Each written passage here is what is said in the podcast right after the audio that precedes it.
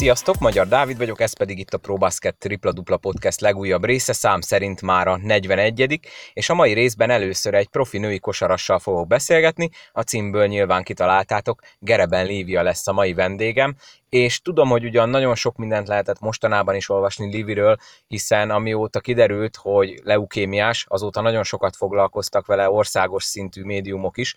Nagyon sokan akkor ismerhettétek meg, akik viszont követik a női kosárlabdát, már régebb óta tudják, hogy ő mekkora tehetségnek számított, illetve hát számít még most is úgyhogy nem is feltétlenül a betegségére és az abból való kilábalására, kigyógyulására lesz felhúzva ez a mai podcast, hanem sokkal inkább arra, hogy mégis milyen személy ő, miért szerette meg a kosárlabdát, miket szeret csinálni szabad idejében, szóval egy kicsit inkább az emberi oldaláról fogjuk Livit megismerni az elkövetkező bő egy órában, és ehhez természetesen köszönöm a segítségeteket, hiszen remek kérdéseket küldtetek. Mielőtt azonban belekezdünk, hagy mondjam el, hogy ha új hallgató vagy, vagy még eddig nem lájkoltad a podcast Facebook oldalát, illetve követted az Instagram oldalt, akkor ezt tedd meg minél előbb, amint elérjük az ezer követőt valamelyik oldalon, illetve az ezer oldallájkot, akkor lesz egy nagyon komoly nyereményjáték a ProBasket jóvoltából, úgyhogy érdemes rákattanni az említett oldalakra, és lájkolni, követni, stb. stb. stb.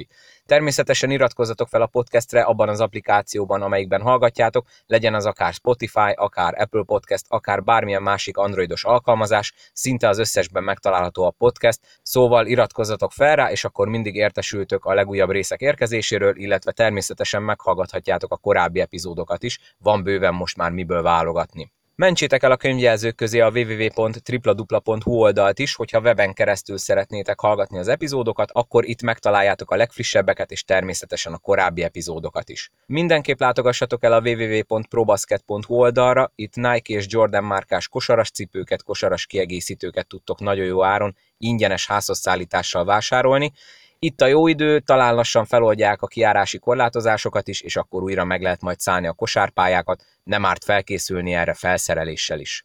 Na de ennyit a szolgálati közleményekről, következzen a beszélgetésem Gereben Líviával. Nagyon sok szeretettel köszöntöm itt a Probaszket Tripla Dupla podcastben az első női kosaras vendégemet, Gereben Líviát. Szervusz, Livi! Sziasztok, köszöntök én is mindenkit! Ugyanez a mai egy hallgatói kérdezfelelek, de én azért szeretnék majd pár saját kérdéssel kezdeni, viszont amit muszáj ilyenkor először megkérdezni, az például Bence Bódi 15 és Tékat a 94 is kérdezte, hogy hogy vagy először is? Köszönöm szépen, szerencsére nagyon jól vagyok. Már egy kicsit nehéz ez a bezártság, ugye én eddig is így töltöttem, most már több mint fél éve így vagyok. Egy kicsit most nehéz, de főleg, hogy ilyen szép idő van kint, de szerencsére nagyon jól vagyok. Nagy Zoltánnak is ide kell, hogy vegyem a kérdését, hiszen említetted, hogy egyre jobb az egészségi, illetve a fizikai állapotod. Ő azt kérdezte azon kívül, hogy hogy vagy, hogy hogyan áll a kezelésed. Uh, igazából kemoterápiás kezelést már nem kapok, illetve volt egy csontfelőtt transplantációm, azon is már túl vagyok, most leszek lassan 200 napja transplantált, ö, ö, még ilyen inekciós kezelést kapok a hasamba, ez ilyen bizt, a biztonságom miatt van, annak érdekében, ha véletlen lennének rossz sejtjém, azokat blokkolják, illetve az immunrendszeremet ö, is épít, és jó hatással van ez a kezelésre. Úgyhogy úgymond ilyen kemoterápiás kezelést már nem kapok szerencsére. Még gyógyszereket kell szednem a transplantáció miatt, de, de már azok is nagyon kevés számba vannak. Még akkor ehhez hagy kérdezzem meg Varga Léna tíz kérdését, hogy félsz-e a vírustól? Neked ugye, akinek gondolom az immunrendszere most nem éppen a topon van így a kezelések előtt, alatt, közben, után. Van plusz félelmed? Hát ebben nem egyáltalán nincsen félelem, ugye én nagyon vigyázok, eddig szigorú szabályok szerint éltem, nem nagyon megyek ki, azért már szerencsére lesz az immunrendszerem ahhoz képest, amilyen állapotban volt. Nyilván még nem olyan, mint, mint amilyen a betegségem előtt volt, de anyukám ő kicsit aggódósabb, ő fél, viszont én egyáltalán nem szerencsére. És akkor még egy utolsó itt ehhez a témához, mielőtt rátérünk így a, a rendes beszélgetésünkre. Még Marcel Földesi kérdezte Instagramon, hogy hogyan vészeled át pároddal ezt a nehéz időszakot. hát párkapcsolatom az most jelenleg nincsen, mert a volt barátom ugye a betegségem alatt szépen cserben hagyott, úgyhogy vele már egyáltalán nem tartom a kapcsolatot. Igazából nehéz, mert ugye be vagyok zárva, és emberekkel nem nagyon találkozhatok, úgyhogy most így nehéz párkapcsolatot létesíteni, de, de remélem, hogy majd, hogyha ennek az egésznek vége, akkor, akkor majd így megoldódik ez a dolog is. Lehet, hogy Marcel azért kérdezte ezt így burkoltan, hogy szokás, ugye a csajozós dumák, hogy hm, és a párod hol van ilyenkor, mit csinál, szóval lehet, hogy Marcel ezért volt erre a kérdésre kíváncsi. Igen, lehetséges. Majd meglátjuk esetleg, akkor Marcának tudom javasolni, hogy olyan akkor írjon rád Instagramon, de a, a kerítőműsor az egy másik. Jó, Livi, akkor térjünk rá a rendes témánkra. Én megmondom őszintén, és remélem ezért nem haragszom meg a hallgatók, hogy én annyira nem vagyok, illetve voltam tisztában a női kosárlabdával, és mm, én rögtön kezdenék is egy olyan kérdéssel, hogy az, hogy nagyon sokak számára te úgy lettél ismert, hogy elkap, ugye leukémiás lettél, elkezdtél küzdeni ezen a betegség ellen, és szerencsére úgy tűnik, hogy le is győzted. Tehát az neked mennyire furcsa, jó, rossz, hogy nagyon sokan mondjuk emiatt ismertek is meg, mert bevallom őszintén én is például akkor ismerkedtem meg a te neveddel, amikor emiatt kerültél be a hírekbe. Pedig ugyanakkor hatalmas tehetség vagy, és ugye majd ahogy később szó is lesz róla, azért a kosárpályán sem vagy elveszett. Igen, azért így a nagy ritmus mellett, ami így jelen volt az életemben, hogy ugye Európa kupát is játszottunk, meg magyar bajnokságot is, ugye így a sport oldalakon úgymond jelen voltam, a nemzeti sporton, az ilyen kosárlabdás weboldalakon, tehát hogy akik így a sportban és ezen a téren mozogtak, azok így sokat találkoztak velem, de így az ilyen hétköznapi dolgokra így nem is nagyon volt időm, meg energiám, nyilván ezért is ugye azok az emberek ismernek jobban, akik ezeken az oldalakon, ezeket az oldalakat nyomon követik. Ugye a betegségem által, mivel erről nagyon ritkán lehet hallani, hogy egy sportoló azért elkap egy ilyen betegséget, ugye erre ilyen több fórum is felkapta a fejét, olyan fórumok is, amik esetleg egy kicsit nem csak a sport részével foglalkoznak a dolgokkal, hanem minden mással. Nyilván egyrésztről egyrésztről nem annyira örülök neki, hogy ezáltal kellett úgymond, hogy az emberek megtudják igazából, mert azok az emberek, akik kosárlabdát nem ismerik, hogy, hogy ki is vagyok én valójában. A másik részéről meg egy kicsit örülök is neki, meg így próbálom kihasználni a helyzetet, hogy esetleg olyan embereknek is tudjak segíteni, akik, akik ezen mennek keresztül, és így ezáltal hozzájuk is el tudjon jutni ez a dolog, amit én amin én most keresztül mentem, és amit végig csinálok. Az nekem feltűnt, hogy nagyon jól kezelted a hirtelen rád zúduló média cunamit tulajdonképpen. Ugye nagyon fiatalon estél bele ebbe a betegségbe, már ez alapból egy elég megterhelő dolog, de az, hogy ezt a hirtelen rádvetülő média figyelmet kezelted, ez mennyire volt nehéz? volt -e ebben, aki segített, vagy ez igazából teljesen magadtól ösztönösen jött, hogy ezt ilyen jól lekezelted? Mert lehetett volna ugye az is, hogy nem kívánsz senkinek nyilatkozni, bezárkózol, csak magad ott a családod körében próbálod megoldani ezt a problémát, de te mégis inkább azt választottad, hogy bár gondolom akkor ez lesz rá válasz, hogy megpróbáltad ugye a saját javadra fordítani akkor ezt a hirtelen figyelmet. Igen, ez egy ilyen összetettebb dolog igazából, még így is megmondom őszintén, hogy amit így a médiában lehet látni rólam most így a híreket, az a megkereséseknek körülbelül a tizede.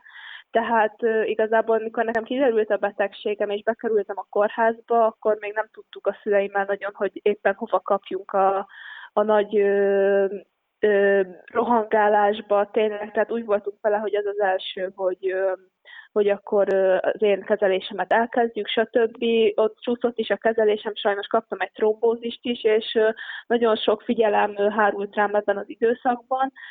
Én mondtam anyáinknak igazából, hogy én elsősorban a gyógyulásomra szeretnék koncentrálni, és igazából ez így van, hogy én azért már 21 éves leszek lassan, nem nagyon szólnak bele így a dolgaimba, adnak tanácsokat, igazából magamra van utalva, hogy én mit, hogy érzek, és ezt én döntöttem el így, hogy hogy nem nagyon szeretném azt, hogy most ezzel legyen foglalkozva. Nyilván, mivel nagyon sok ember a kosárlabda miatt ismert Magyarországon, ezért úgy gondoltam, hogy tartozok nekik annyival, hogy hogy sőt, ráadásul az elején apukám nyilatkozott, nem is én, hogy tartozok, tartozik a család nekik annyival, hogy az alaphelyzetről úgymond beszámoljak nekik, ezért döntöttünk úgy, hogy egy-két megkeresést elfogadunk. Az elején én nem szerettem volna nyilatkozni, szerettem volna teljesen a gyógyulásomra koncentrálni, akkor ezt apukám csinálta, meg az igazgató is bejött hozzánk az 5.-10. nap után, amikor látta a hírekben, hogy szereplek, hogy ő azt tanácsolja, mivel ugye később kiderült, hogy ennek a betegségnek nagyon sok rossz kimenetele van, és ugye egyik nap se lehet tudni, hogy mire számítsunk, ezért ő azt tanácsolta, hogy próbáljuk meg ezt a dolgot a médiával nagyon minimálisra csökkenteni, tényleg amennyit csak muszáj, úgyhogy így minden szempontból a kórházzal is, a szüleimmel is nagy volt az egyetértés ebben. Most meg persze már szerencsére, hogy ennyire jól vagyok, így próbálom azt, a dolg, azt az oldalt megfogni a dolognak, hogy kicsit így elmesélni, hogy mi történt velem, meg én milyen pozitívan álltam ehhez az egészhez hozzá, és ezt is csak nyilván azért, mert el tudnám azt a részét is mesélni, ami nyilván nagyon sok embert megdöbbentene, hogy milyen fájdalmakon mentem keresztül, stb., de nem ezt szeretném, hanem a pozitív oldalát megfogni, és esetleg így erőt adni azoknak, akik hasonló nagy betegségeken mennek keresztül az életükbe. Említetted, hogy kb. a tizedét fogadod el a megkereséseknek, akkor én most megtisztelve érzem magam. Úgyhogy köszönöm Ez igaz az is. és kerestek-e meg olyanok, mint például mondjuk olyan csoportok, akik leukémiából kigyógyuló, vagy éppen abban szenvedő betegeket próbálnak segíteni? Tehát olyan megkeresések érkeztek-e, hogy esetleg ilyen kezdeményezésekben, vagy ilyen csoportokban vegyél részt? Igen, még ezekkel a megkeresésekhez is visszacsatolva, ugye sajnos voltak igazából ezzel vissza is élt, és lenyilatkozott olyan dolgokat, amiket én nem is nyilatkoztam, mert éppen konkrétan beszélni nem tudtam abban az adott helyzetben, és ez egy olyan pont volt a betegségem során, amikor eldöntöttem, hogy, tehát, hogy azért is folytom le Csirában dolgokat, mert számomra megdöbbentő, hogy vannak olyan napilapok, nem szeretnék nevet mondani, akik ezt ebből tényleg ilyen olyan hírt akarnak csinálni, szenzációt, és nem, nem törődnek azzal, hogy éppen valaki betegségben szenved, és hogy arra akar koncentrálni. Igazából nagyon sok ilyen csoport van a Facebook Facebookon is, viszont így a betegségem vége fele megfogalmazódott bennem, hogy én hál' Istennek a családdal, meg ugye az átlag emberek is ugye erről a betegségről így nagyjából nem sokat tudnak, mint a leukémiáról. Ugye ez egy vérrák, nagyjából tudják, hogy kemoterápiás kezelés, kiullik az ember haja, stb. stb., de nem is se tudtuk, hogy mire számítsunk, és ez nagyon jól is volt így, mert most, hogy tudom, és láttam magam mellett embereket elveszíteni, ö, szenvedni, a saját szenvedésemet átéltem. Most, ha ezt tudtam volna a betegségem előtt, akkor nem biztos, hogy így itt lennék, és ilyen pozitív tudnék lenni. Ezért én úgy voltam vele, hogy én személy szerint egyetlen ilyen csoportban sem szereplek, mert ott nagyon sok negatív dolog van. Anyukám van olyan csoport, amiben benne van, én erről nem szoktam vele beszélni igazából, mert ott is írnak olyan negatív dolgokat, amikről én nem szeretnék hallani, mert minden ember más. A másik szempontból pedig Szexádon is már van egy kezdeményezés, hogy ezt a véradást én nagyon szeretném támogatni minden szempontból, és ugye úgy volt, hogy lesz júniusban egy véradás, és én leszek az arca, most nem tudom, hogy ez a koronavírus helyzet miatt hova fog fajulni, illetve olyan több ilyen szervezetnek is én is küldtem adományt, illetve próbálom őket valamilyen szinten reklámozni. Nyilván majd, ha eltelik egy annyi idő, hogy már teljesen én is száz százalékig biztonságban vagyok, és vissza tudok térni a régi kis életemhez, akkor ebben még aktívabban részt szeretnék venni, de amíg ez nem, nem jön el, addig csak így részben próbálok segíteni így az alapítványoknak, embereknek, mert még a saját gyógyulásomra is szeretnék koncentrálni azért. Tehát akkor, ha jól értem, mai fejjel visszagondolva igazából semmit sem csinálnál másképp így a gyógyulás folyamatában.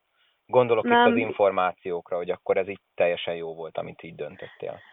Igen, szerencsére a szüleim azért nagyon jól kezelték ezt a dolgot. Nagyon nehéz volt, mert amikor én beteg lettem, rengeteg olyan ember keresett meg minket, akik különféle alternatív gyógymódokat ajánlottak, rengeteg olyan üzenetet kaptam, hogy én ne fogadjam el az orvosok tanácsát, stb. stb. És nagyon nehéz volt megválogatni, hogy igazából most kire is hallgassunk.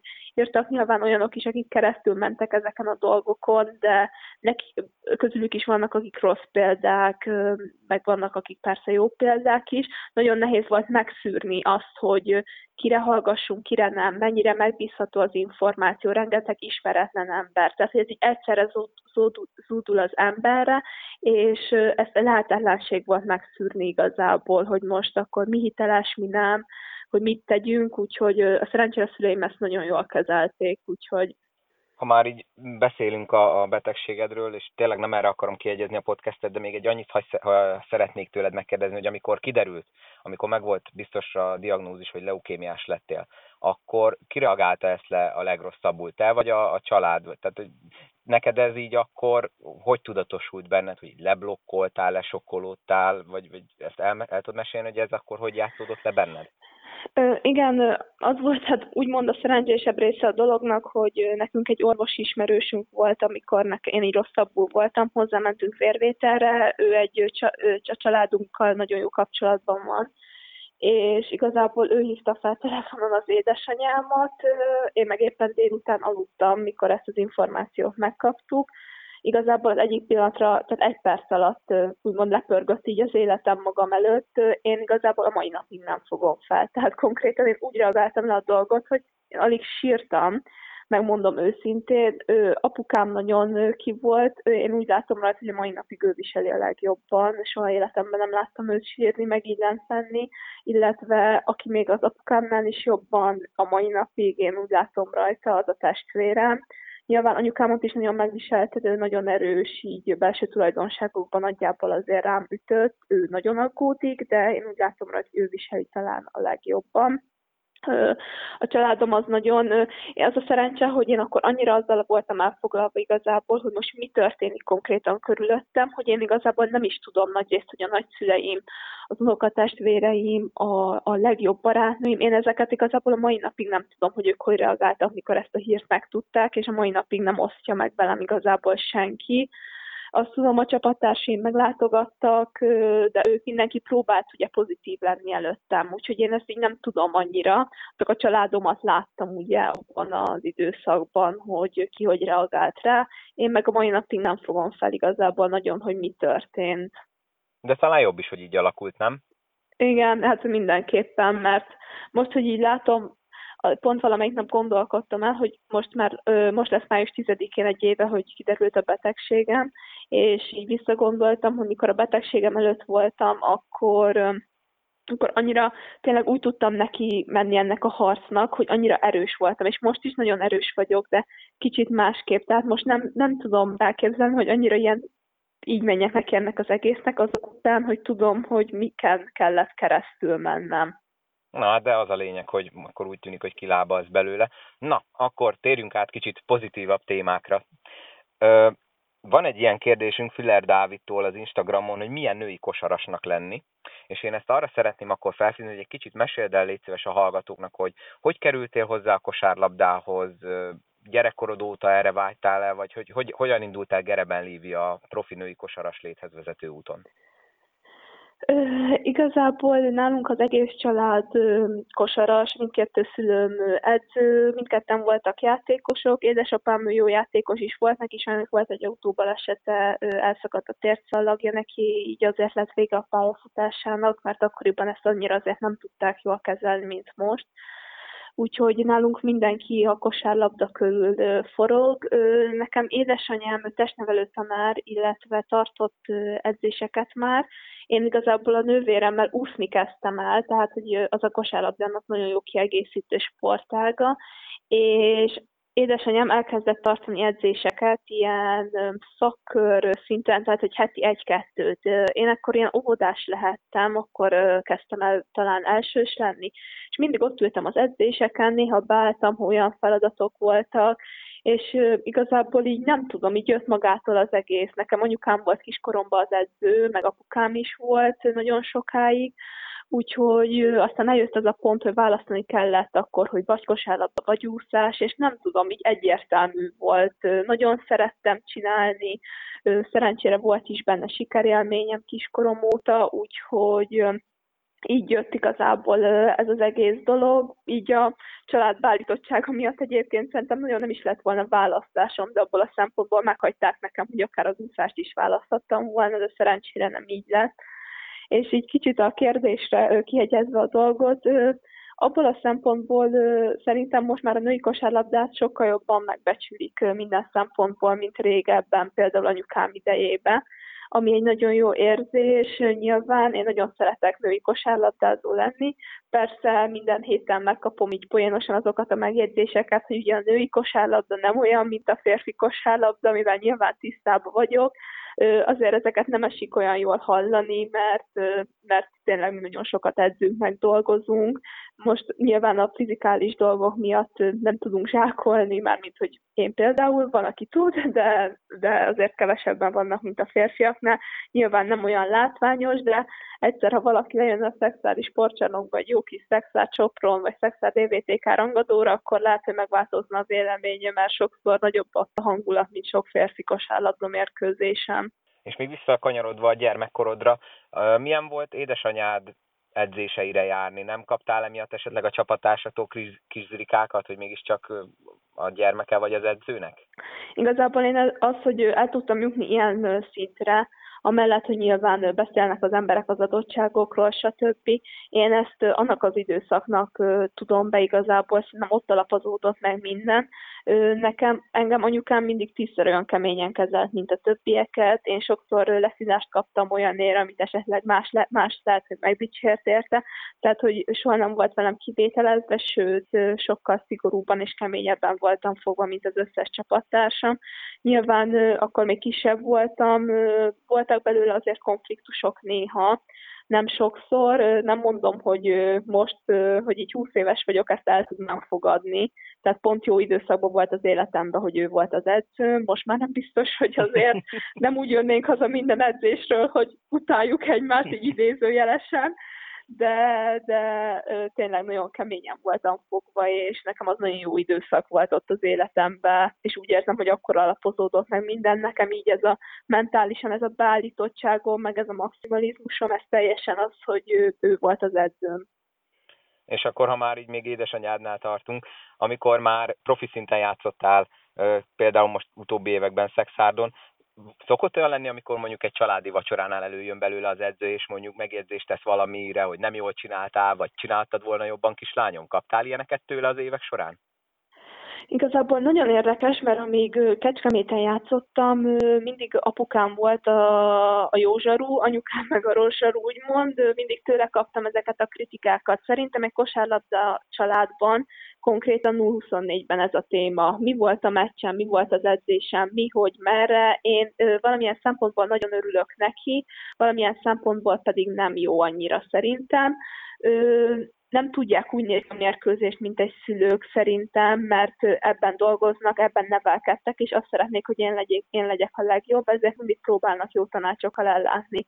Mikor elkerültem szexádra, akkor pedig apukám lett igazából a kritikusabb, és anyukám lett ez a jó zsarú, aki eddig apukám volt.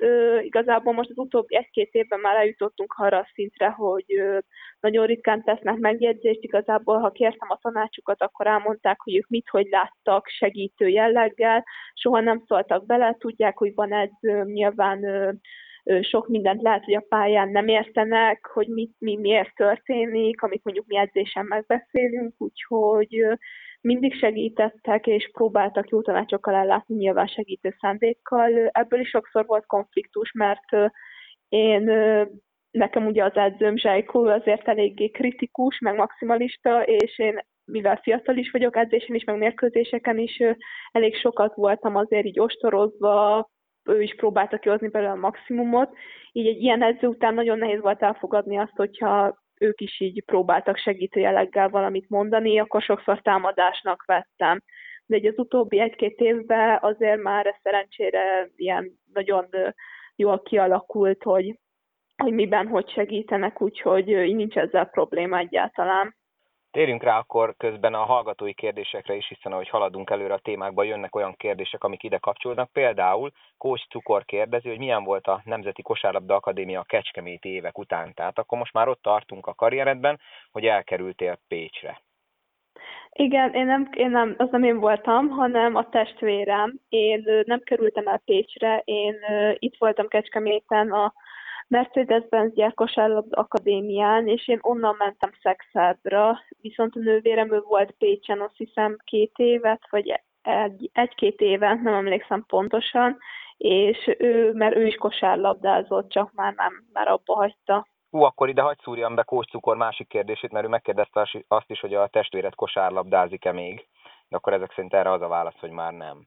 Nem, már sajnos nem kosárlabdázik, pedig ö, szerintem ő is nagyon tehetséges volt, és én nagyon sajnáltam, hogy abba hagyta, de nyilván azt csinálja, amit ő szeretne. Ő is szeretne meccsimre járni, meg úgy nagyon benne van ebbe a dologba, ez egy ilyen egyéves történet, hogy abba hagyta, de most ő játékvezetőnek tanul, úgyhogy... Átáll nem... a sötét oldalra? Igen, mondhatjuk így is. Úgyhogy úgyhogy azért a kosárlabda körül maradt ő is. Milyen lenne egy olyan meccs, amin mondjuk ő lenne a kijelölt játékvezető, egy olyan meccs, amin mondjuk te is pályára lépsz? Hát ő már mondta, hogy biztos, hogy kiállítalak Livi, meg ilyenek. Egyébként nagyon jó testvérek vagyunk, tehát is szoktuk egymást szukkolni. Hát én úgy tudom, hogy nem lehetne egyébként, de így elképzelve nem tudom, én nem tudnám félretenni egyébként. Annyira közeli a kapcsolatom a testvéremmel, hogy én nem tudnám sokkal jobban tudnám azt kezelni, hogy anyukám vagy apukám az edző, mint a testvérem lenne a játékvezető, mert annyira közeli a kapcsolatom, hogy egyszerűen nem bírnám ki, hogy valami olyat csinál, hogy ne szóljak neki oda, vagy bármi, pedig nem vagyok azért tiszteletlen a játékvezetőkkel soha. Nem tudnám elképzelni ezt a szituációt egyébként, úgyhogy nagyon érdekes lenne, az biztos. Még szintén Kós Cukortól kérdezett egy olyan kérdés, hogy akkor megint csak lépünk tovább a karrieredben. Hogyan élted meg a váltást akkor Szexárdra? Ö, eleinte ö, igazából, amikor ott voltam próbajátékon, én 16 évesen költöztem el itthonról, ö, és teljesen egyedül kezdtem el élni, ami ugye azért elég korán fel kellett így nőnöm a dologhoz. Szerencsére Szexárd az egy tehát nagyon jó választás volt, nem is tudtam volna jobb helyet választani, hiszen annyira segítőkész volt az egész csapat, hogy olyanok voltunk, mint egy nagy család. És eleinte féltem, de mikor oda mentem, én egyszer nem sírtam azért, hogy honvágyam van, pedig nagyon szeretek itthon lenni, meg nagyon szeretem a családomat, de annyira kosárlabdával voltam elfoglalva, és tényleg annyira jó volt a környezet, az atmoszféra, a hangulat, ment a csapatnak is a szekér, hogy igazából a szülem is mindig jöttek meccsre, hogy így teljesen sokkal kördülékenyebben mentek a dolgok, mint ahogy én azt először gondoltam, és amennyire így féltem tőle, 16 évesen ez egy nagy váltás, hogy el, elköltözni két órára a saját szülőházattól, és volt, hogy hónapokig nem tudtam hazajönni, héten úgy jött ki a meccsnek a ritmusa, úgyhogy eleinte azt hittem, hogy nagyon nehéz lesz, de ahhoz képest nagyon gördülékenyen ment minden. Hát meg gondolom az is azért segít, hogy ugye ebbe a modern korban, mint a mai, igazából nincs is nagyon tulajdonképpen távolság. Most, hogyha belegondolsz, hogy mondjuk egy 20 évvel ezelőtt lépted volna ezt meg, amikor mondjuk nem lehet így videótelefonálni, meg, meg akár csak mobilon is ugye nehezebb volt egymást elérni, akkor biztos nehezebb lett volna, gondolom én. Igen, igen, hát az biztos, igen. Úgyhogy szerencsére ennek a modern kornak köszönhetően így azért tudtam minden nap beszélni a családommal. Simon Adél 05 a következő két kérdés. Mondjuk erre biztos vicces lesz így 20 évesen válaszolni. El tudod-e képzelni a karrieret Szexárdon kívül más magyar csapatban? Hú, hát igazából ez egy nehéz kérdés, mert egyenlőre azt mondanám, hogy most, mivel azért is nehéz ezt megválaszolnom, mert most ugye másképpen gondolkozok a betegségem után, ezért egyenlőre most azt mondom, hogy nem. Persze most, hogy mi lesz a jövőben, két-három-négy év múlva most erre nem tudok jó választ adni. Nagyon szeretek szexárdon lenni. Úgy gondolom, hogy azért elég nagyon magas szinten is van a klub is, meg a csapat is. A Zsajko egy nagyon jó edző minden szem, a fejlődésem szempontjából és minden szempontból. Úgyhogy én most, mivel ennyire jól érzem ott magam, és nyilván most alá is fogok írni egy szerződést valószínűleg, ezért most egyelőre azt mondanám, hogy nem, de hát, hogy mit hoz a jövő, ez igazából holnap vagy holnap után is megváltozhat a fejemben. A csapat egyébként, amikor kiderült a betegséged, és hogy akkor jó ideig nem számíthatnak rád, ők hogyan viszonyultak ehhez? Hát igazából nekik különösen nehéz volt, mivel ugye a fiatal szabály miatt én voltam az első számú fiatal játékos a szezonban, és ugye nekem már is derült ki a betegségem, mire ők úgy nagyjából úgymond, hogy úgy fogalmazzak, észbe kaptak, hogy igazából akkor én nem leszek, mert nekik ugye nem rögtön ez ugrott be azért a fejükbe, sokat segítettek nagyon nekem, addigra már nem annyira tudták, nem tudtak játékost igazolni, és akik ugye utána jöttek, ők három-négy évvel fiatalabbak nálam, és nagyon kev, tehát hogy semmi tapasztalatuk nem volt. Ezért egy nagyon nehéz helyzetbe került a szexárt, és úgymond a posztomra sem akartak igazából ö, olyan légióst igazolni, aki előttem van, tehát hogy ö, első számú bedobóként számítottak rám, úgyhogy így nagyon át kellett formálniuk mindent, azért hát május közepén már általában a csapatoknak nagyjából 70-80 százalékban megvan a jövő, vagy a következő szezonbeli keretük, úgyhogy nem volt nekik egyszerű dolguk ebből a szempontból sem, és hát nyilván nagyon megrendítette őket, ugyanis pont valamelyik nap beszéltem az edzőmmel, Zsajkóval, szerencsére nagyon jó kapcsolatban vagyunk, és minden héten szoktunk beszélni, és mondta, hogy ö, nekünk május azt hiszem 6-án, 5-én valahogy így még a Cegléd ellen volt mérkőzésünk az ötödik helyért, hogy kupát játszunk, Szerencsére azon a mérkőzésen nagyon jól ment, és mondta a Zsajko, hogyha valaki akkor megkérdez, azt, mondjaná, azt mondaná neki, hogy Tereben Lívia május 10-én leukémiával fognak diagnosztizálni, akkor, akkor azt mondta volna neki, hogy te nem vagy normális. Tehát, hogy annyira kiszámíthatatlan volt, és tényleg, hogy öt nappal előtte még majdnem, hogy életem meccsét játszottam szinte, annyira jól ment a játék, és rá napra meg leukémiával diagnosztizálnak, tehát nagyon nonsens a helyzet, és nem volt rá semmi jel hogy ez fog történni. Ez jó is, hogy mondtad, mert akartam kérdezni, hogy így visszagondolva voltak előjelei ennek, de akkor ezek szerint, szó szerint derültékből villámcsapás volt? Abból a szempontból voltak előjelek, hogy kicsit úgymond híztam. Nekem ugye versenysúlyom 69-70 kg, ugye 183 centi vagyok, és akkor ilyen 2-3 kilóval nehezebb voltam, de nem ettem úgy többet, fel voltam eléggé vizesedve. Aztán voltak ilyen nyirokcsomók a nyakamon, aztán az inyem, nem tudtam enni, igazából gyengébbnek éreztem magam, de én amikor vége van a szezonnak, mindig általában szezon közben nem nagyon vagyok beteg, el szoktam kapni valami betegséget. Ugye kimerülök, kiengedek vége a szezonnak, és ezt annak tudtuk be, mert ez minden évben így volt velem. De aztán ö, édesanyám úgy látta rajtam, hogy én azért nem, nem, tehát hogy engem nem szoktak így megviselni ezek a betegségek, tehát hogy konkrétan nem tudtam felkelni, és szerencse, hogy ő túlaggott ezt a dolgot, mert ez az akut leukémia nagyon veszélyes, tehát hogy ez konkrétan 24 óra alatt el tudja vinni az embert, hanem fordul orvoshoz, de hát olyanok az embernek a tünetei, már így amikor uh, már annyira rosszul van, hogy uh, nyilván felhív egy orvost, vagy elmegy megnézni magát. Úgyhogy uh, azt mondom, hogy így a betegségem előtt egy-két nap, amikor már diagnosztizáltak, ugye nyilván már valószínűleg leukémiás voltam, csak nem tudtuk. Tehát, hogy így a tünetek azok nagyon gyorsan jöttek, mert ugye akut, tehát, hogy ez nem az van, hogy eltelik két-három hónap, hanem ott két-három nap alatt történnek olyan dolgok, amikre ugye reagálni kell. És az egyébként kiderült, hogy mi okozta ezt? Erre van valami orvosi magyarázat? Kaptál erre valami infót? Hát én ezt megkérdeztem az orvostól, azt mondta, ha tudnák, hogy mi okozza a leukémiát, akkor, akkor meg tudnák gyógyítani. Igazából nekem, én sok éve szenvedtem egy ahilleszintgyulladással, ami nem sohasem meggyógyulni. Orvosilag nem kaptam rá magyarázatot, én több oldalon olvastam, hogy ugye minden ilyen betegségnek van lelki háttere. Nekem abban az évben így erről nem szeretnék annyira részletesebben beszélni, ilyen sok kisebb dolog gyűlt, ami, ami okozhatta ezt, nyilván most már tudom mai fejjel, hogy, hogy azok semmi problémák nem voltak ahhoz képest, amin most keresztül mentem, és hogy mai fejemben nem így reagálnék azokra a dolgokra, de hát mindenkinek a saját problémája a legnagyobb, akkor sok kis olyan dolog volt az életemben, ami, ami miatt így összegyűlem lett bennem, és szerintem így lelkileg ez is én azért erősnek tartom magam lelkileg, de akkor valamiért ebben az időszakban ez nem, nem így történt, és szerintem is sok minden tevődött össze, ami közrejátszódhatott benne, de ez persze az én véleményem, orvosilag nincs erre magyarázat. Milyen érdekes azt hinni az ember, hogy mai modern orvostudományban már tényleg mindenre van válasz, aztán meg ilyenekkel szembesülünk.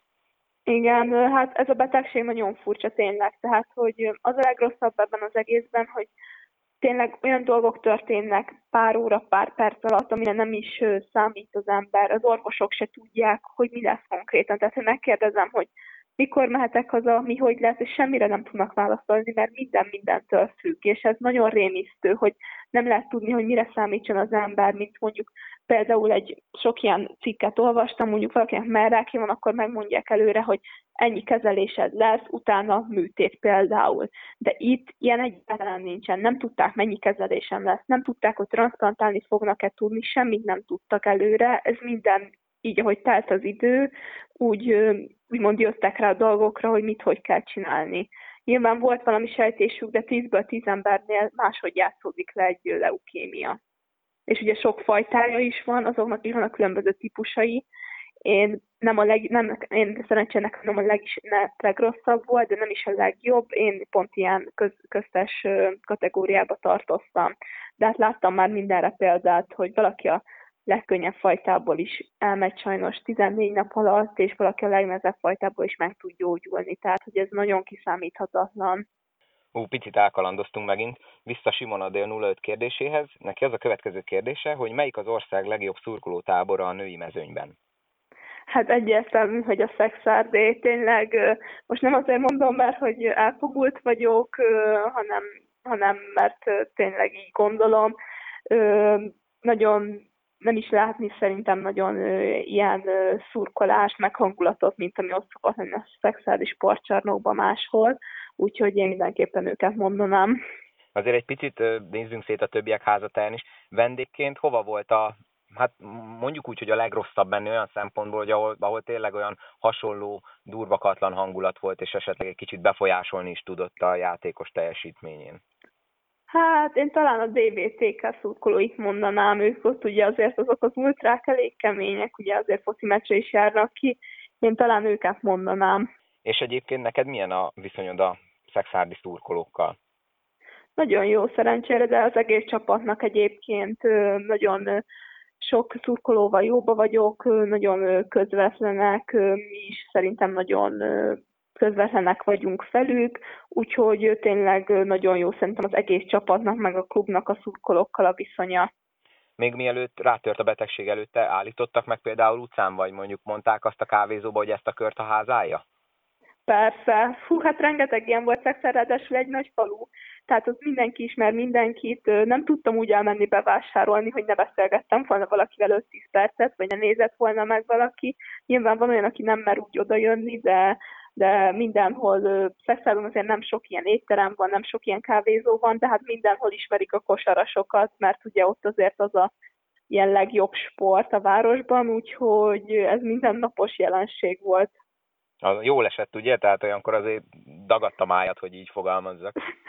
Igen, jól esett, nagyon, egy szemp- egyik szempontból nagyon jó volt, a másik szempontból meg úgymond nagyon rossz volt, mert nem semmi, tehát hogy azért nem lehetett úgymond semmi olyan dolgot csinálni, amit mondjuk másnap ne tudott volna meg az edződ. Most nyilván senki nem ilyen szabályszegő nálunk, félre ne ér, de például azt is, hogy Livi láttam, vagy izé hallottam, hogy ott voltál a kávézóban valami fiúval, tehát hogy...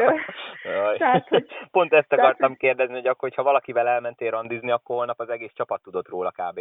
Hát igen, és akkor utána jött az, hogy köszi Livi, hogy mondta, de hát konkrétan még nem is találkoztunk, de és ők már előbb tudták, mint hogy én elmondhattam volna nekik, de ez mindenkivel így van, tehát hogy, hogy mindenhol olyan sasszemek vannak, akik látják minden lépésedet, hogy mit csinálsz, úgyhogy nagyon vigyázni kellett.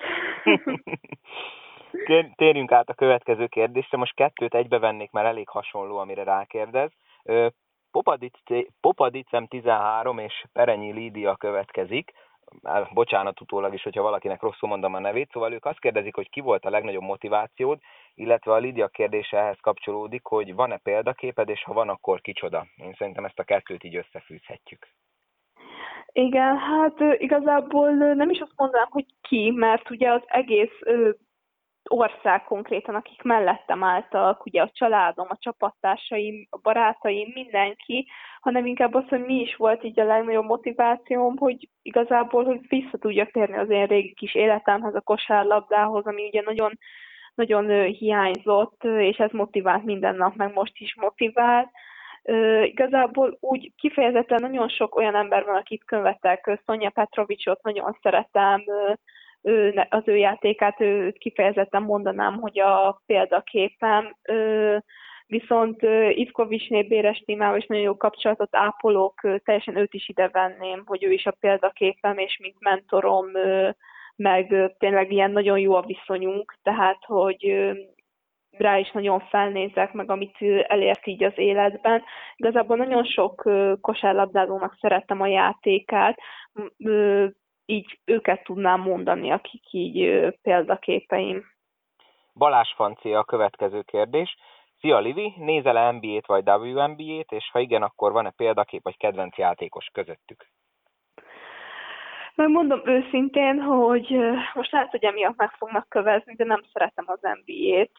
Nem azért, mert nem mert nem extrákat a játékosok, vagy bármi problémám lenne vele. Igazából azért, mert általában abban a kis kevés szabadidőmben, ami szokott lenni, ami nem a mindig a kosárlabda körül forog. Ha nézek meccset, akkor is olyat, mint például az Euróliga, vagy ilyesmi. Szeretek olyan meccset nézni, amiből úgymond tudok tanulni és erőt meríteni, és nem látom realitásnak, hogy én 20 méterről triplákat fog dobálni, mint zicsert, vagy zsákolgatni fogok. Nyilván nagyon látványos az NBA, van, amikor szívesen megnézem, de így nem, nem követem nyomon azért annyira. Videókat szoktam nézni, meg ilyen highlightokat, de a későn is vannak a meccsek, visszanézni meg nem szeretem, sokáig meg nem szoktam föllenni, ugye másnap mindig edzésem van, úgyhogy a WNBA-t azért már valamilyen szinten jobban nyomon követem. Nagyon sok csapattársam, illetve ismerősöm ugye játszik ott, azokat a mérkőzéseket azért kicsit sűrűbben szoktam nézni, meg nyilván egy célom majd, hogy a későbbiekben én is ott játszak, úgyhogy ugye ezt tudnám mondani ezzel a témával kapcsolatban hogy ha jól emlékszem, én olvastam egy olyat, talán egy 2018-as ilyen gyűjtés volt, hogy téged azon 10 európai közé soroltak, akinek esélye lehet az elkövetkező egy-két évben kikerülni a WNBA-be. Jól emlékszem, hogy volt ilyen őszó? Tehát ez neked é. reális cél, meg tény volt, hogy, hogy ilyen fiatalon akkor a tehetségnek tartanak, hogy akár oda is eljuthatsz a tengeren túra? Igen, erről volt szó ugye két éve, és még emellett az én menedzserem is, megmondom őszintén, nem nagyon tudom pontosan, hogy ez a draft hogy működik, meg ilyesmi, de valami listára is felkerültem, ahol a jobb 50 így került be valahova, ott az 50 valahányadik helyen végeztem, tehát hogy így elég közel jutottam ahhoz, hogy esetleg majd ebből később legyen valami. Nyilván most ez egy év kiesés egyáltalán semmilyen szempontból nem jött jól, de hát ebből is csak erőt merítek, és igazából van időm, 20 éves vagyok, úgyhogy van két-három évem, hogy, hogy eljussak arra a szintre, de még több is, tehát hogy a mai világban már simán 31-32 éves női kosárlabdázók is tudnak teljesen komoly szinten játszani, úgyhogy úgy gondolom, hogy ez egy reális cél lehet az én életemben. És WNBA vagy inkább egy európai top csapat, ha így választhatnál? Akkor inkább európai top csapat. Csak hogy nagyon szeretem igazából az európai kosárlabdát, nyilván az amerikai kosárlabda is nagyon látványos, de én sokkal jobban szeretem, amikor, amikor így ilyen, úgymond ilyen észjáték van, sok passz, van védekezés, nem tudom, én valamiért ezt a kosárlabdát jobban preferálom. Egyébként megnyugtatlak, hogy a férfiak közül is, akikkel már beszéltem a podcastben, nagyon sokan inkább az Euróligát nézik, hiszen az az, amiben, az az, ami ez a magyar kosárlabda is hasonlít itt az európai, az, az amerikai sóstílusú kosárlabda, inkább csak ilyen kikapcsolódás nekik is, szóval nem hiszem, hogy ezért bárki megkövöz a hallgatók közül. Akkor jó, akkor megnyugodtam, mert sokat, tehát hogy általában, hogyha beszélek olyan emberekkel, akik mondjuk nem kosárlabdába jártasak, rögtön az első kérdés, hogy na, és mi az a kedvenc nba csapatot? Tehát, hogy ez ilyen általános dolog így az embereknél, akik így ezt ismerik, és hát nagyon sokszor mondom, hogy nem nézek NBA-t, és akkor így kb. így lásik az álluk, hogy úristen kosárlabdázok, és hogy nem nézek NBA-t, de de hát aki így, így jobban ismer, vagy így belemerül a dolgokba, szerintem azért az úgy megérti nagyjából ezt a dolgot. Áján Máté Novák a következő kérdező. Kedvenc kosaras cipőd melyik? Hát én nem nagyon hordok alacsony szárú cipőt, kiskoromtól fogva. A nagyon magas szárút sem szeretem. A három négyes én már évek óta Kyrie cipőbe szoktam edzeni, meccsezni, megmondom őszintén, hogy most szoktam rá így az utóbbi időszakban, hogy több cipőm van, inkább cseréltem két havonta a cipőimet, de azt se szerettem nagyon, hogy másba meccsezek, másba edzek, ez lehet azért is volt, mert van egy ilyen speciális talbetétem, amit nagyon nehéz volt belerakni, kivenni a cipőmből, ezért úgy voltam vele, hogy megszokom edzésen, az lesz meccsen is, és inkább sűrűbben cseréltem a cipőimet, de egyszerűen nem szerettem többet használni. Most ez egy kicsit így megváltozott, de, de nem tudom majd mi lesz, majd kíváncsi leszek most, ha beindul majd újra a kosárlabda élet, akkor hogy fogok cselekedni. Tehát akkor a Kári a nyerő egyelőre. Igen, Kairi. Oké, okay, akkor szerintem erre megfelelő választ kaptunk. Szabó Krisz a következő kérdező, és akkor most már egy kicsit eltávolodunk a kosárlabdától, megyünk inkább ilyen személyesebb dolgokhoz. Ki a legjobb barátod? Igen, ezt azért, azért kérdeztem, mert ő a legjobb barátnőmnek a fiúja, vagy barátja, vagy hogy mondjam. Akkor benfentes információi vannak. Igen, és nagyon jó kapcsolatot ápolok ott az egész családdal, és ezért kérdeztem, mert szoktuk így húzni egymásra igazából, és nagyon jóba vagyok vele is, úgyhogy Igazából nagyon sok kosaras barátnőm van, de akik így gyerekkorom óta több 5-6-7-8 éve a barátnőim, ők van az egyik a Ráckata, a másik a Dugár Dóri, ők mindketten együtt kosárlabdáztam velük, most már egyikük sem kosárlabdázik, de így a mai napig megvan ez a kapcsolat, annak ellenére, hogy mindketten Pesten tanulnak, az egyik ö, itt lakik Kecskemétől 15 percre, a másik 25-re, de a mai napig nagyon jó kapcsolatban vagyunk akkor Szabó Krisz megpróbált most téged csőbe húzni valószínűleg. Igen. Sophie Sinka a következő kérdező, milyen a kapcsolatod Dorkával? Igen, ő a nővérem, ugye ezt már említettem, hogy nagyon jó, tehát ő is szintén a legjobb barátnőm, nagyon jó testvérek vagyunk, mindenben támogatjuk egymást, ő nagyon szeret az a szekrényemből öltözködni, ebben nagyon sokat szoktunk ezen vitatkozni, de egyébként viccet félretéve tényleg nem is kívánhatnék jobb testvért, mint ő, úgyhogy nagyon jó vele a kapcsolatom. Kova Patrik 98 a következő kérdés. Sok sikert kíván a továbbiakban mindenek előtt, és az a kérdés, hogy van-e jogsid, és ha van, akkor mióta? Igen, van jogosítványom, már hát szerintem most már lassan több mint egy éve, nem volt egyszerű összehozni így igazából a dolgot, ugye sok edzés meg meccs mellett. Nagyon jó volt az oktatóm is szerencsére, úgyhogy most nagyon sok időm is van úgymond gyakorolni, de hát már teljesen egyedül vezetek, és nagyon jól megy, meg nagyon szeretek is vezetni, úgyhogy ez nagyon így elengedhetetlen volt, mert azért mindenhova könnyebb, meg kényelmesebb úgy járkálni tanulni? Hol tanultál még? Ott Szexárdon, vagy már otthon Kecskeméten? A Szexárdon csináltam, de így könnyebb is volt, mert az olyan kisváros, hogy kb. van öt autó volt utakon, és tehát, hogy nem, nem volt olyan helyzet, mint mondjuk Pesten, tehát, hogy nagyon könnyű volt megcsinálni. Így mondjuk, bevallom őszintén, az én kulisszatitok keresztből megbuktam egyszer, de életemben, tehát én mindig kitűnő tanuló voltam, úgyhogy ez nagyon rosszul érintette az egómat, de aztán megcsináltam, ráadásul pont ilyen egy ponton múlott, úgyhogy Akartam is kérdezni, hogy elsőre mentem minden. És Pesten vezettél már egyébként azóta, hogy megtanultál? Igen, valamelyik nap a, a tesóm most nincsen itthon sajnos, ugye a vírus miatt. Anya nem engedi haza őt, hogy nehogy valamit hazahozzunk, ugye az én immunrendszerem nem olyan, meg ugye nincs velünk a mindennapokban, és akkor hozzámentem fel, hogy kint azért találkozzunk egy kicsit.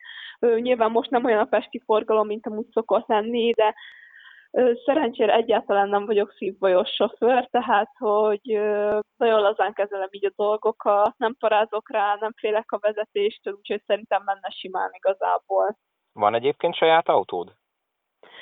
Van, igen, hát igazából nem én vettem, hanem a szüleim é volt, egy kis Renault Clio, mondta, hogy inkább ezzel tolassak még neki az elején a dolgoknak, úgyhogy most egyelőre, amíg szerzek egy pár év rutint, addig biztosan nem fogok autót venni magamnak, illetve az is benne van, hogyha esetleg majd eligazolok mondjuk három-négy év múlva külföldre, akkor most itthon náljon, úgymond megporosodjon, úgyhogy szerintem majd csak akkor fog saját autót venni magamnak, hogyha, hogyha már így letelepettem egy helyen, mert most addig fölösleges pénzkidobás, úgymond szerintem. Van, valami, van amúgy valami álomverdád, vagy ez inkább csak a férfiaknál jellemző?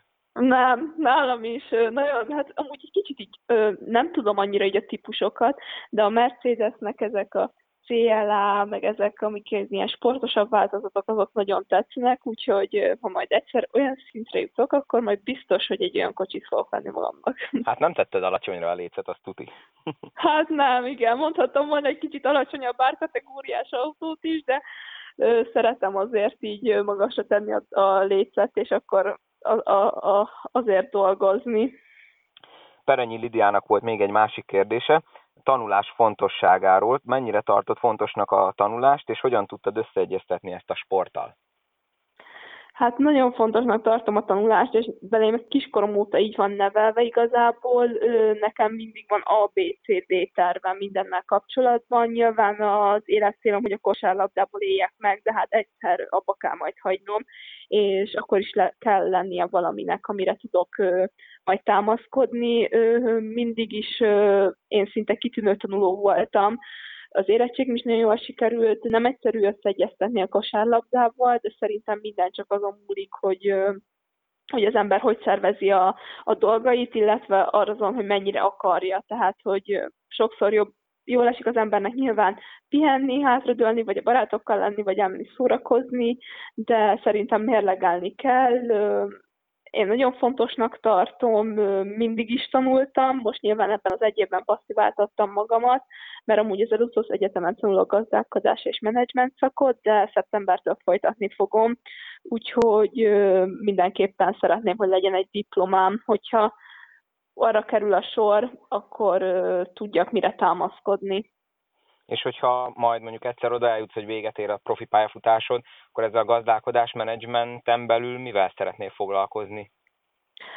Igazából ebben még annyira nem gondoltam így bele. Azért ezt az egyetemet választottam, mert én nagyon szeretem a matekot, meg ö, ilyen matek info ö, speces ö, sulipa is jártam, tehát én ezt emelten tanultam. Ö, igazából nagybátyámnak van egy ö, cége, ö, ezen a területen ö, így tevékenykedik. Ö, ö, majd lehet, hogy abba szeretnék esetleg bekapcsolódni, de úgy távlati céljaim még nincsenek. Igazából ö, ez a diplomai biztonságot nyújtana nekem, ö, meg ö, alapból is, ö, tehát hogy ebben, ebben tudnám elképzelni magamat nem tudnék más, tehát hogy nem tudnék orvosit, vagy mit tudom én, a TF-re se tudnék menni, mert tornából egy bukfencet tudok megcsinálni körülbelül, tehát hogy ez volt, ami a legjobban testhez álló volt. Nagy Zoltáni a következő kérdés. Hogyan látod, mikor térhetsz vissza a pályára? Ugye, mit hagy szúrjak közben egy ilyen megjegyzést, hogy ha jól tudom, arról volt szó, hogy már itt április végén, májusban már csatlakoztál volna a csapathoz, hogyha nem üdve ez a koronavírus járvány és az emiatti bajnoki hirtelen vég. Igen, úgy volt, hogy áprilisban költözök Szexára, nyilván még a saját tempóba edzettem volna, ugye most már hónapok óta edzek, szerencsére van, hogy napi hármat is, ö, akkor még csak a kispadra ültem volna le, mint szurkoló, ö, hát most ez így megborult, így legalább több időm van megerősödni. Én nagyon remélem, most ez nyilván minden a koronavírustól függ, nem tőlem. Ha augusztusban el tudjuk kezdeni az alapozást, akkor én szeretném elkezdeni a csajokkal. Nyilván nem fogom tudni megcsinálni azokat a feladatokat elsőre, mint ők.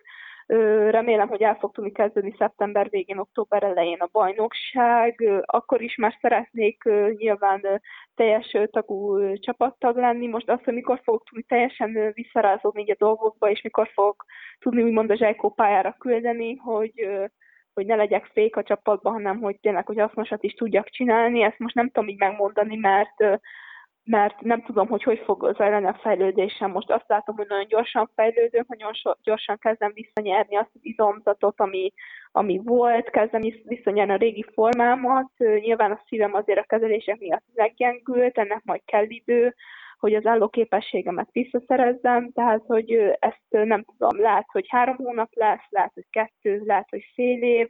Én igazából úgymond a legrosszabbra készülök, hogy a következő szezonom az még arra fog elmenni, hogy úgymond így visszarázódjak a dolgokba, de közben meg az is lehet magamat ismerve, vagy lehet, hogy három hónap után meg már teljesen készen fogok állni mindenre. De azért próbálok egy ilyen reálisan optimista lenni. Abba a pillanatban egyébként belegondoltam, hogy milyen lesz, amikor mondjuk először újra pályára lépsz, és mondjuk nagy is nem pont egy hazai szexárd meccsen, tehát ház előtt, hogy akkor az ott, ott mi lesz? Erre, erre szoktál gondolni?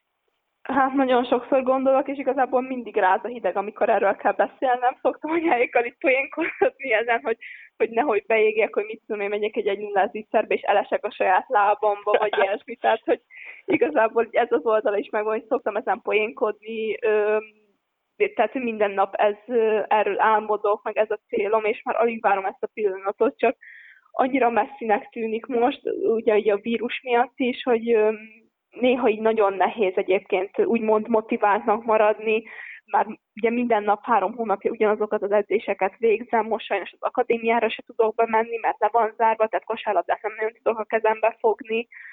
Nyilván visszalendület, a visszatérés lendülete, de azért minden nap felülni a biciklire, minden nap kimenni a futópályára, úgy, hogy közben se a barátaimmal nem tudok menni, se a csapattársim nincsenek ott, hanem úgymond egyedül edzek.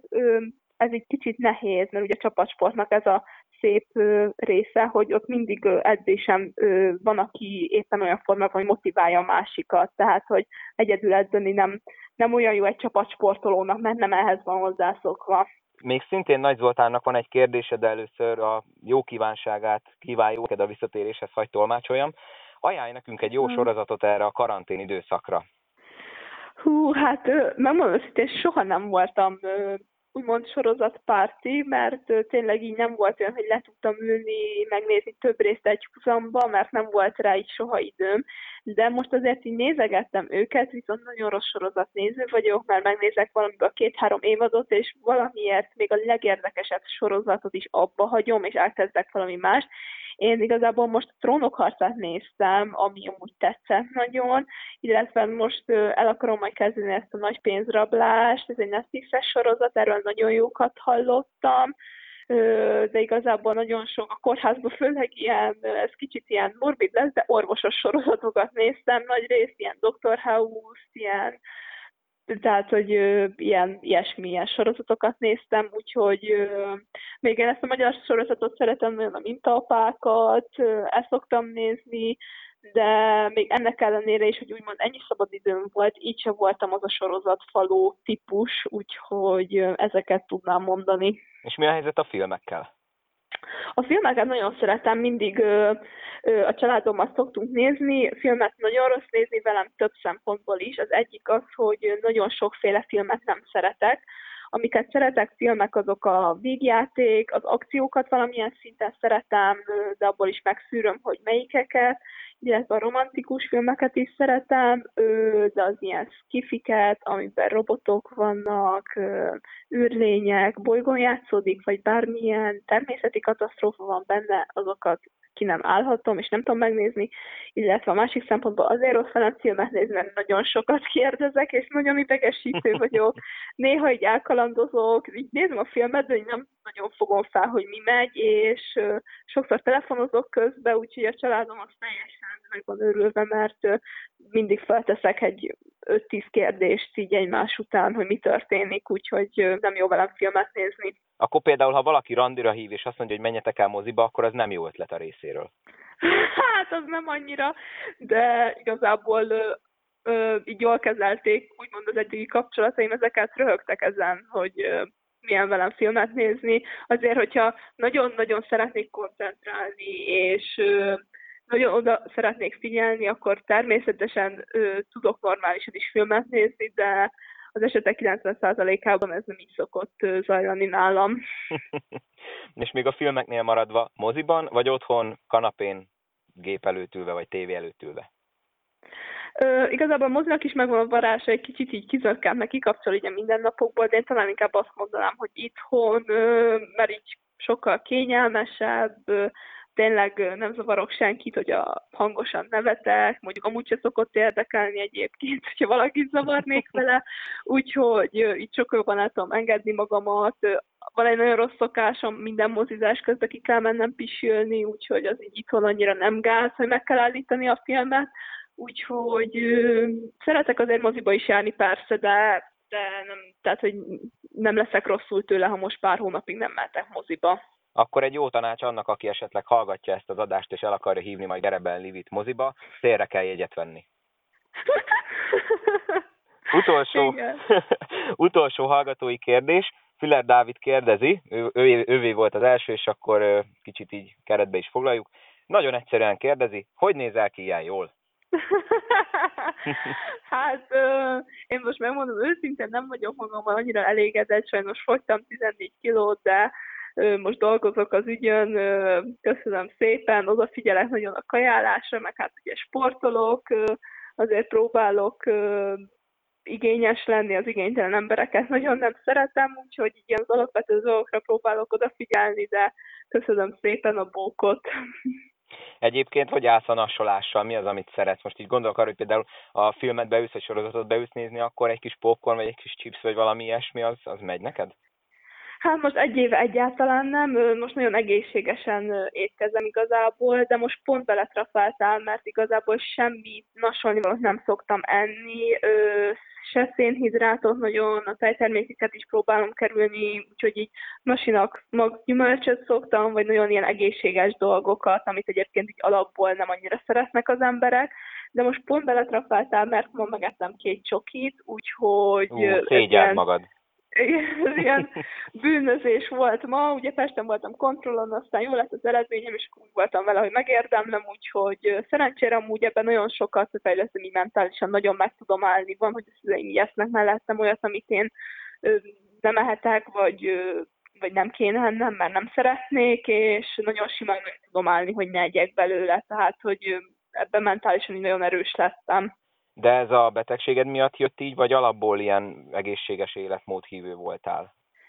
Ö, nem, mert az volt úgymond a baj, hogy nem jött, nem szaladtott rám a kiló, hogyha mit tudom én néha megkibáltam, vagy megettem egy zacskó chipset, vagy csokit, tehát így úgy voltam vele, hogy amit megkíván a szervezetem, azt megettem, és mivel nem láttam a tükörben magamon, ezért semmi nem kényszerített rá, hogy egészségesen egyek. A betegségem miatt sok mindent nem ehetek, és nem is ehettem, de alapvetően nem tehát, hogy nincsenek tiltva a chips, nincsen tiltva a csoki, semmi ilyen egészségtelen dolog, nincsen tiltva a gyors kaja, úgymond úgyhogy igazából ehetnék, én nem szeretnék enni, kapott most a, ugye, kemoterápia által elég mérget a szervezetem, úgyhogy nem szeretném még a kajával is mérgezni, és igazából ez, csak, ez is csak elhatározás kérdése, most már teljesen így hozzászoktattam a szervezetem, meg mindenemet erre a egészséges életmódra, úgyhogy most már egyáltalán nem nehéz, és igazából ez jön zsigerből, nem is hiányzik a chips, a meki,